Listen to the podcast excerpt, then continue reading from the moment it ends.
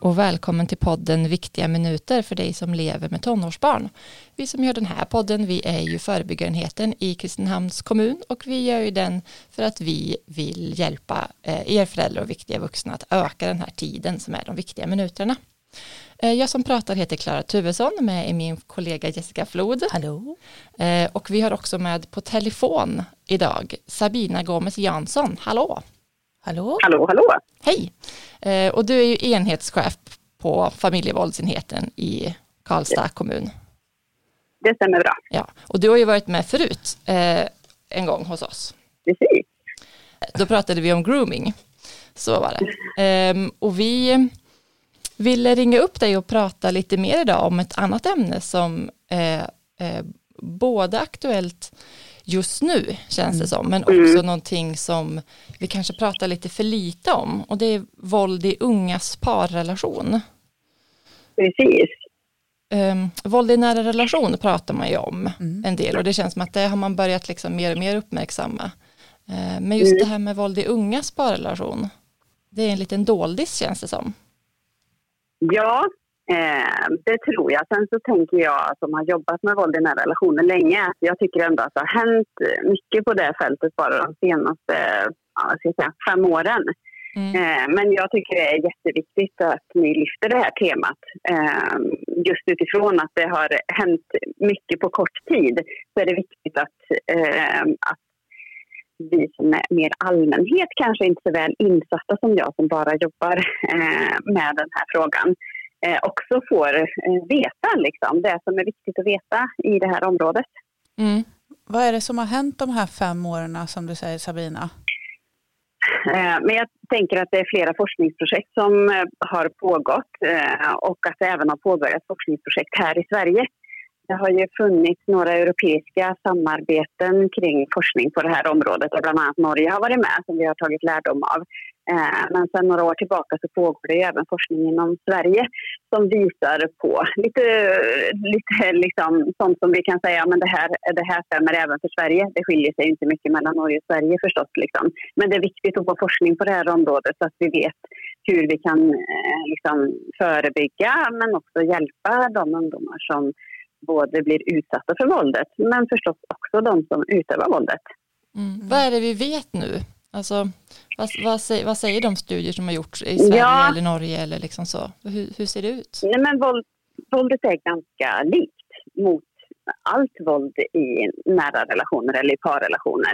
Vilket ju framför allt är viktigt att komma ihåg att det innebär när vi pratar om våld i nära relationer så handlar det oftast om killars våld mot tjejer, även i tonåren. Liksom.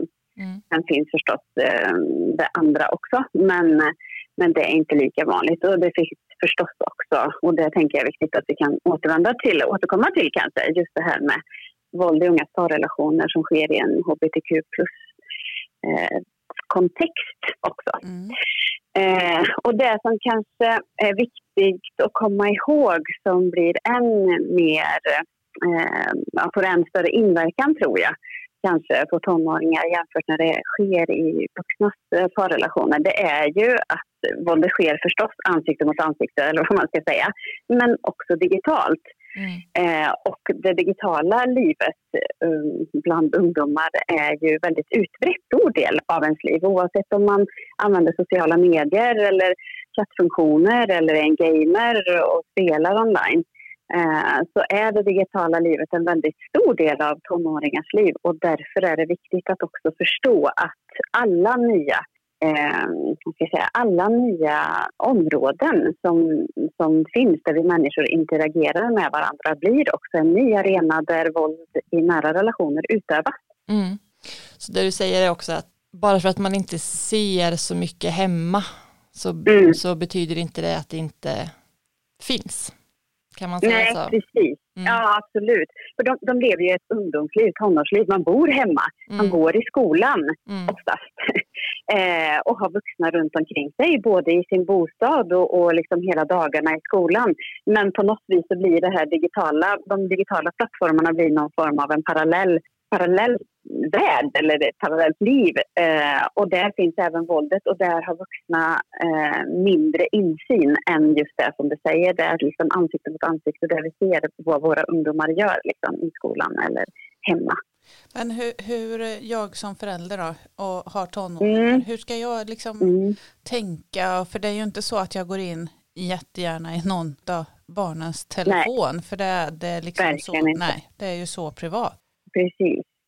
Och jag tänker också att det, um, ja men lite som vi pratade om förra gången jag var hos er. Mm.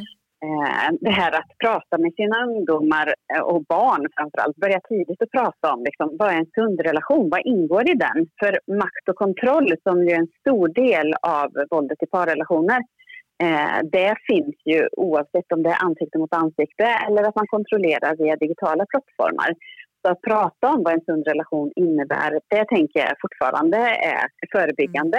Mm. Men om, om man sen tittar på sin ungdom så tänker jag att det kan finnas förändrade beteenden förstås. Och, och som vi pratade om förra gången också, det kan stå för så himla mycket mm. eh, förstås. Men det gäller att vara nyfiken och även fråga där. Liksom. Och, och um, ibland så vet man kanske inte ens att, det, att en tonåring är i en relation. Mm. För det är inte alltid som man berättar det. Men, men man, jag tycker man kan vara nyfiken och fråga och, och undra. Och den här makten och kontrollen som utövas digitalt, den kan ju te sig i olika uttryck. Och där tänker jag att det ändå kan vara så att om man, om man är lite uppmärksam som vuxen runt omkring en tonåring så finns det möjlighet att upptäcka det. För jag tänker att man kommer vara än mer bunden vid sin telefon, mm. eh, kanske, än tidigare. Eh, det är ganska vanligt att, man, att det inte räcker inom citationstecken med att svara i telefon utan ofta vill ju våldsutövaren att man också har eh, ett videosamtal så att man kan visa var, var jag är. Liksom, att det stämmer att jag är i skolan eller att jag är på KFUM eller vad det nu eh, är jag säger att jag är. Och det handlar ju många gånger också om att inte få ha sitt, sina lösenord i fred. Och det, om jag har uppfattat det rätt så, så, är det ganska vanligt att när man ingår i en tonårsrelation, när man, när man som tonår ingår i en kärleksrelation, så är det ett sätt att visa förtroende också, att ge varandra lösenord. Och det behöver inte alls vara kopplat till liksom, makt och kontroll. Mm. Utan det kan vara en förtroendefråga, en fin gest. Liksom. Mm. Eh, men det är klart att om det sen visar sig att jag har blivit tillsammans med en kille som utövar våld mot mig, då kommer det här kunna användas på ett ganska så obehagligt sätt. Mm. Eh, och det är ett sätt att skrämma och kontrollera mig. Eh, och då kan man ju vara uppmärksam på det. Jag vet till exempel att jag hade någon någon tjej som berättade att hon fick eh, aldrig sova utan att ha telefonsamtalet igång. Eh, för att då ville hennes kille kolla att hon verkligen höll sig hemma på nätterna. Så även om hon sov så skulle telefonsamtalet liksom vara igång. Och lite sådana grejer tänker jag att man kan vara uppmärksam på som mm. vuxen och förälder. Liksom. Mm. Um, förutom det digitala, vad är det annars man ska vara uppmärksam på? Men jag tänker att det är ändå, mm. jag tänker att det är svårare för oss att förstå hur det ser ut man inte bor ihop med den, man har inga barn, man ja. liksom, det, är inte, det är inte riktigt samma. Alltså hur, hur ser det ut för en, för en tonåring? Ja, men jag tänker ju att våldet sker därför mycket i det dolda, kanske än mer. Liksom. Mm. Eh, och, jag, och jag tror också att det är viktigt just det här att kunna hålla dörren öppen för sin tonåring, det tror jag är jätteviktigt. För det kanske är så att man har tjatat jättemycket för att få sova över hos sin kille till exempel. Mm. mm. Och sen eh, när man väl gör det så visar det sig att eh, ja, men den erfarenheten blev inte så himla bra. Och då kan ju allt ha hänt från ett, ett fysiskt till ett sexuellt övergrepp under den perioden. Mm. Eh, och då är det inte så himla lätt att berätta det för sina föräldrar kanske. Så jag, jag återkommer mycket till liksom, ha en dialog med sina ungdomar och skapa det tidigt så att det finns ett förtroende. Likväl som man säger att du vet att jag kommer att hämta dig hur full du än är. Bara ring liksom. Jag mm. kommer inte bli arg. Det är bättre att du ringer. Vi löser det liksom. Mm. Samma är det här. Att man ändå sätter ord på att ja, men jag vet som förälder att det kan hända saker. Och du behöver aldrig skämmas. Det kommer aldrig vara ditt fel. Mm. Och jag kommer säkert bli orolig, men jag kommer att hämta dig. Jag, vi kommer lösa det. Är det så att du har lämnat ut bilder, vilket också är så otroligt vanligt nu eh, att man gör också i en parrelation. Man skickar nakenbilder eller liksom intima bilder på varandra. Mm. Och eh, att säga att jag vet att det kan användas, om det blir så någon gång att det används fel, kom till mig så kommer vi lösa det på något bra sätt. Liksom. Mm. Jag tror att det handlar mycket om det. Sen vet vi ju, de här forskningsstudierna visar ju att det är sällan som eh, utsatta tonårstjejer vänder sig till vuxenvärlden. Mm. Och ju mindre desto äldre de blir. Och om man gör det så är det ju i första hand mamma och sen är det pappa. Så det är mm. väldigt sällan som man vänder sig till professionella som till exempel har en anmälningsplikt. Mm. Eh, man litar inte riktigt på vuxna och tror inte att vuxna kan hjälpa. Och Eh, så tycker man ju, och det tror jag ganska oavsett vilken ålder, så tänker man många gånger att nej men det här, jag har satt mig i den här situationen själv, den ska jag också ta mig ur själv. Eh, så att man tänker att det, det, nej, jag, jag ska lösa det här på uh, egen hand. Och sen tror jag också att det här glappet mellan vuxna och unga eh, gör att, att unga kan misstro att vi inte ja, vi förstår inte det digitala våldet och hur stort det kan vara i de här relationerna. Mm. Eh, och, och sen tänker jag en annan svårighet med just tonårsrelationer och där det ingår makt och kontroll och olika former av våld, det är ju att många av de här tjejerna har ju kanske inte några referensramar sedan tidigare. Nej. Det kanske är din allra första relation mm. som du ingår i. Eh, och, och, att liksom tänker att våldsutövare många gånger kan säga men vad barnslig det och att gud, andra tjejer jag har varit tillsammans med de har inte tyckt att det har varit något konstigt att vi har stridsex mm. eller du vet mm. vad det nu kan vara. Liksom. Mm. Eh, det är så här det ska vara, det här är inga konstigheter. Och har man inga egna referensramar och inte heller har pratat eller bollat det här med någon annan liksom, och vad en sund relation är innan mm. så har man på något vis en ganska lätt match, eller vad jag ska säga, som våldsutövare, mm. tyvärr, i det här. Liksom. Mm. Så det kan jag tänka är liksom en extra utsatthet för de här, um, för de här tonårstjejerna som inte har så många erfarenheter sedan tidigare av kärleksrelationer och vad de ska in, innehålla. Liksom. Mm. Mm. Och många av de här tonårstjejerna eh, vet ju inte heller att det är brott de blir utsatta för. Att Nej. det faktiskt är kriminellt att utöva våld. Så det är ju väldigt få som anmäler de här brotten. Det är bara, um, jag tror att det är ungefär 2,5 procent som polisanmäler de brott som de blir utsatta för. Um, och det är ändå det är lite lägre än liksom, en vuxna kvinnors liksom, anmälningsbenägenhet. Men jag tänker det krävs ju av oss vuxna också att prata mycket, mycket mer om det. För jag tänker att mm man tänker att mitt barn blir inte utsatt för jag själv kanske aldrig har varit utsatt. Alltså man tar det inte så mm. på stort allvar som det kanske Nej. egentligen, alltså det är mer vanligt än vad vi tror. Mm.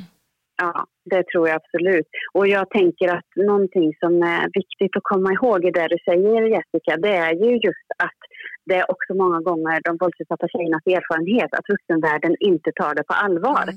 Därför att ibland har vi också en tendens att generellt på något vis bagatellisera och gullifiera mm. liksom, tonårskärlek. Eh, mm. liksom. Mm. Att det är inte riktigt på allvar och det går över fort och man byter partner fort. Det speglar av sig då på liksom, när, när det sen övergår i att innehålla våld och makt och kontroll.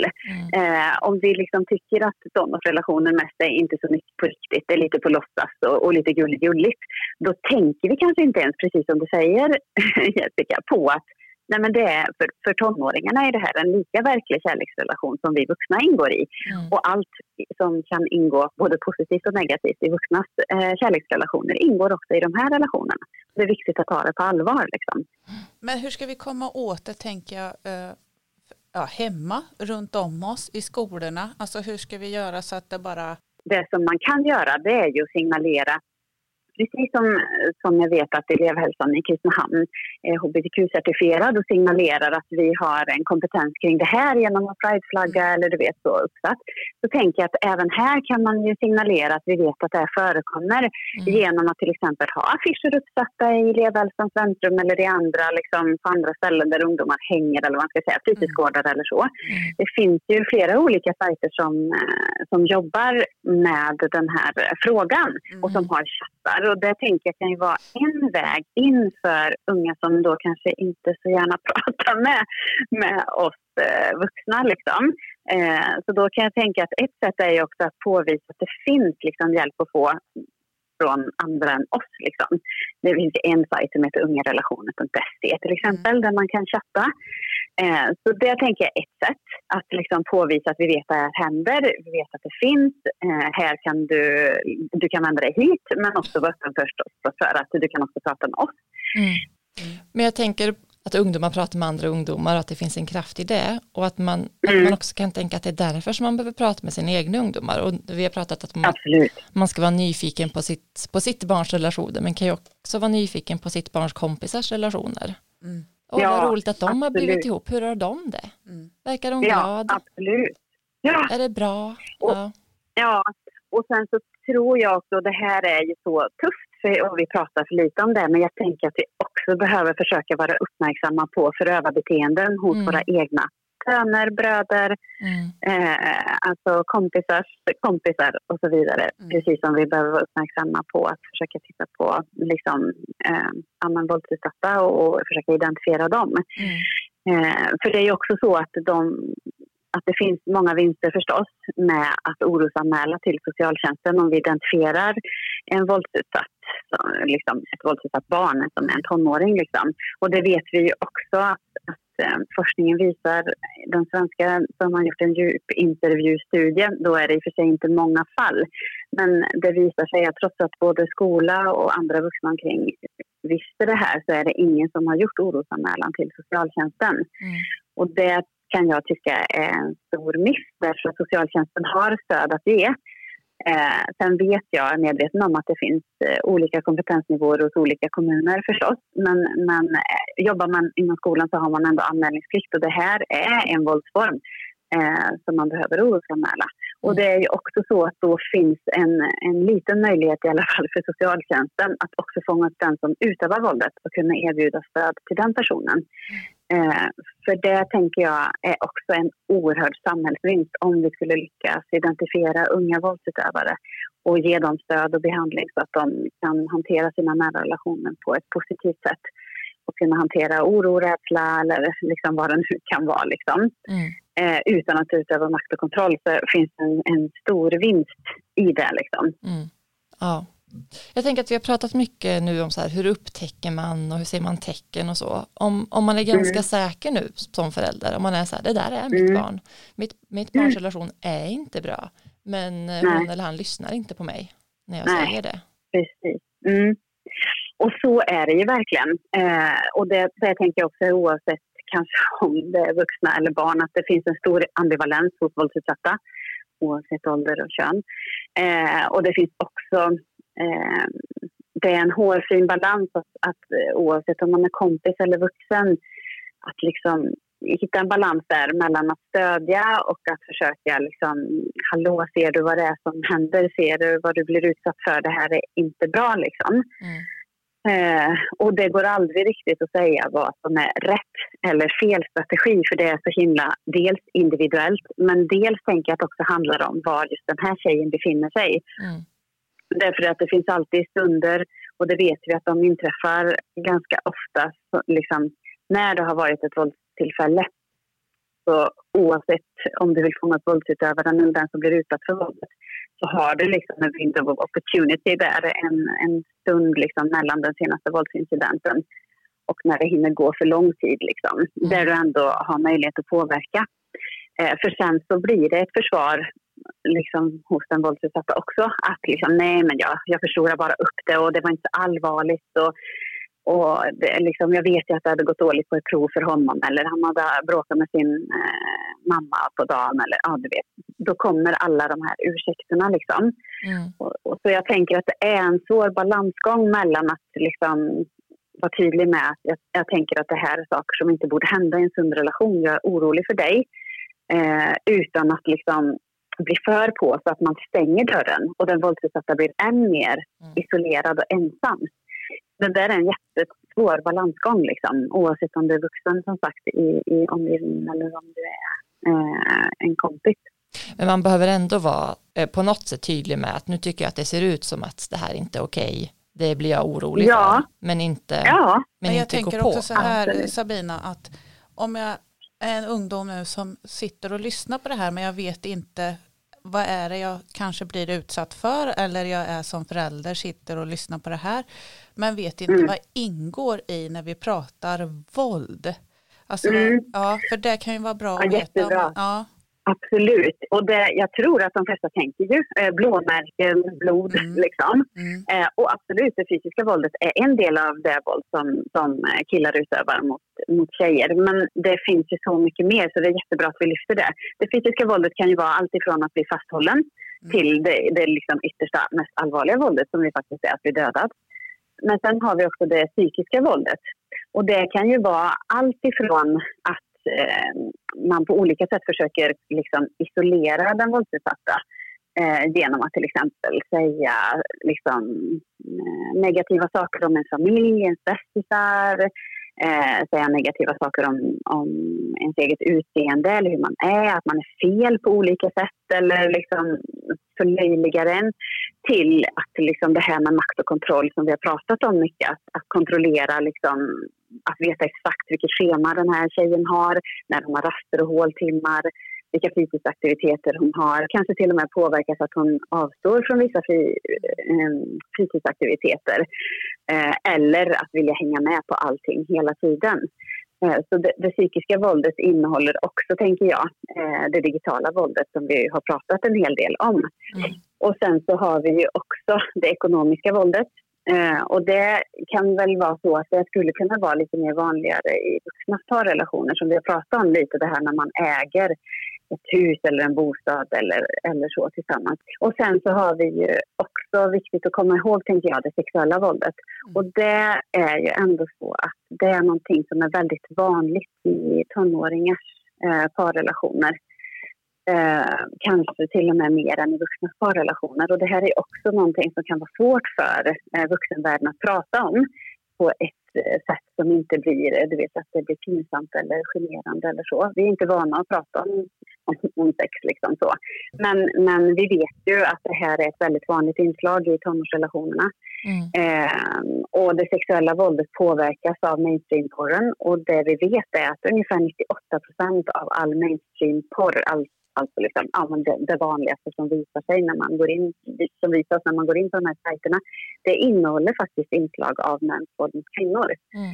Eh, så på ett sätt så är det inte, jag ska säga på ett sätt är det begripligt i alla fall varför inslag av våld blir så vanligt i, i unga killars sätt att ha liksom, sex med sin tjej. Men Eh, det innebär ju tyvärr också, eftersom det är ju inte så att det är bara killar som konsumerar eh, porr, utan det är även tjejer.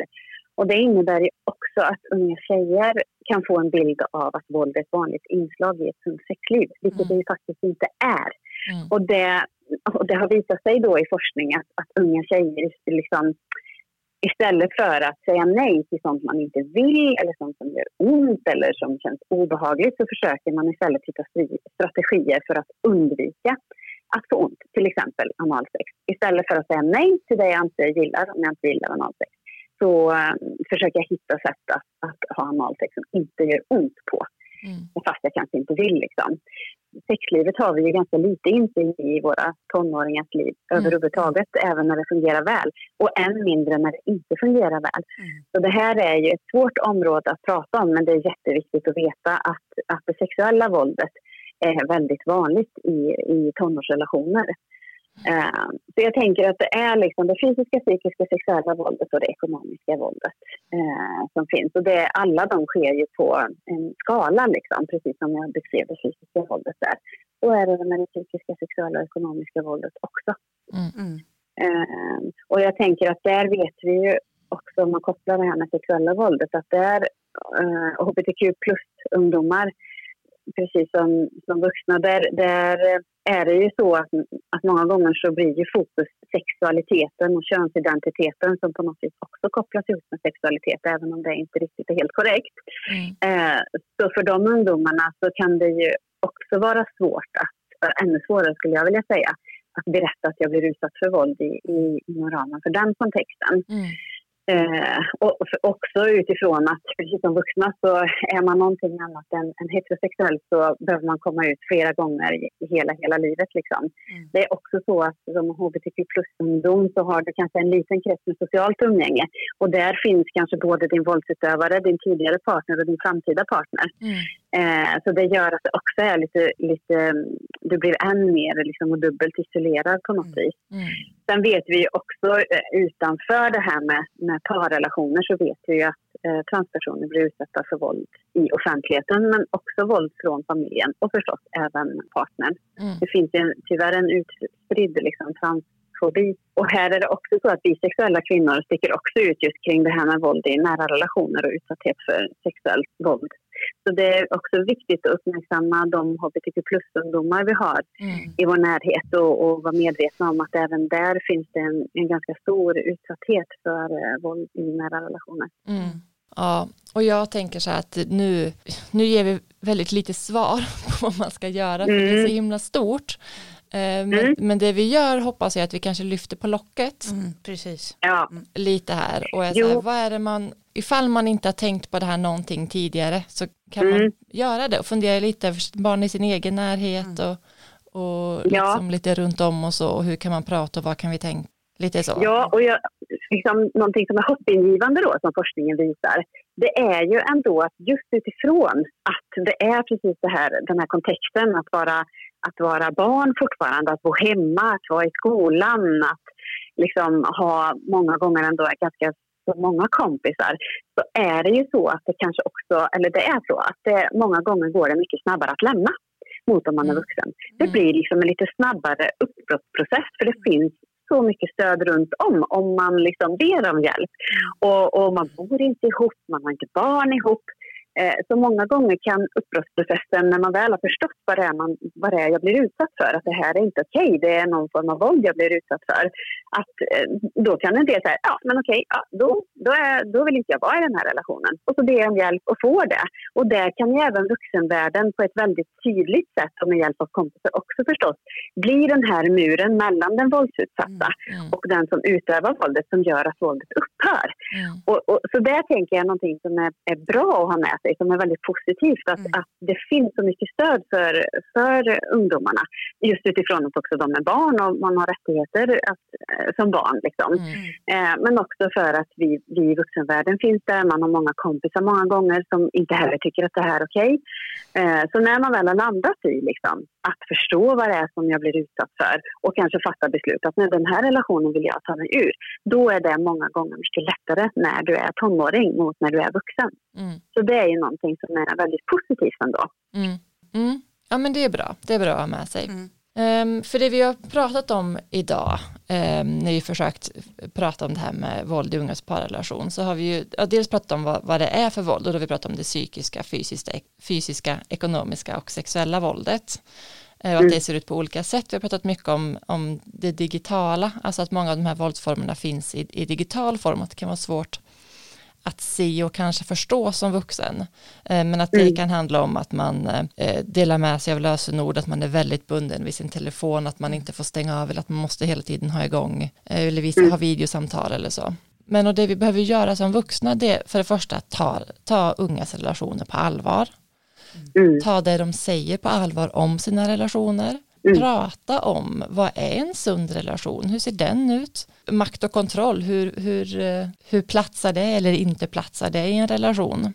Och att vi pratar om också att det finns det, det, finns saker som är brott i en relation och hur ser det ut och det behöver man aldrig skämmas för det löser vi, mm. berätta sånt för mig att man är mm. väldigt tydlig med det och att man håller dörren öppen för det och är nyfiken på sitt barns mm. relation men kanske också på relationer som, som finns runt omkring en eller som finns runt omkring ens barn. Eh, och om man tror nu att ens barn är våldsutsatt så ska man veta att överlag en utsatt person i en relation försvarar ofta sin förövare. Eh, det är mm. viktigt att man är tydlig och visar oro men att man att det är en, en svår balansgång mellan att också inte stöta bort personen som man pratar med men där kan man också få tips och råd eh, om man mm. är i den situationen. Eh, och så tänker jag också att när vi sänder det här avsnittet så kommer vi lägga lite länkar på vår Facebook-sida. Mm. Eh, bland annat till den här sajten Unga relationer och lite sånt. Så ifall man har lyssnat på det här avsnittet och är intresserad eh, av att få lite bra länkar så kan man gå in på vår Facebook-sida och titta efter det. Tack så mycket Sabina för att du var med oss. Mm, tack för att du fick komma igen. Mm. Ja. Tack också till er som har lyssnat. Jag hoppas att vi hörs igen eh, någon annan gång. Hej då! Hej då!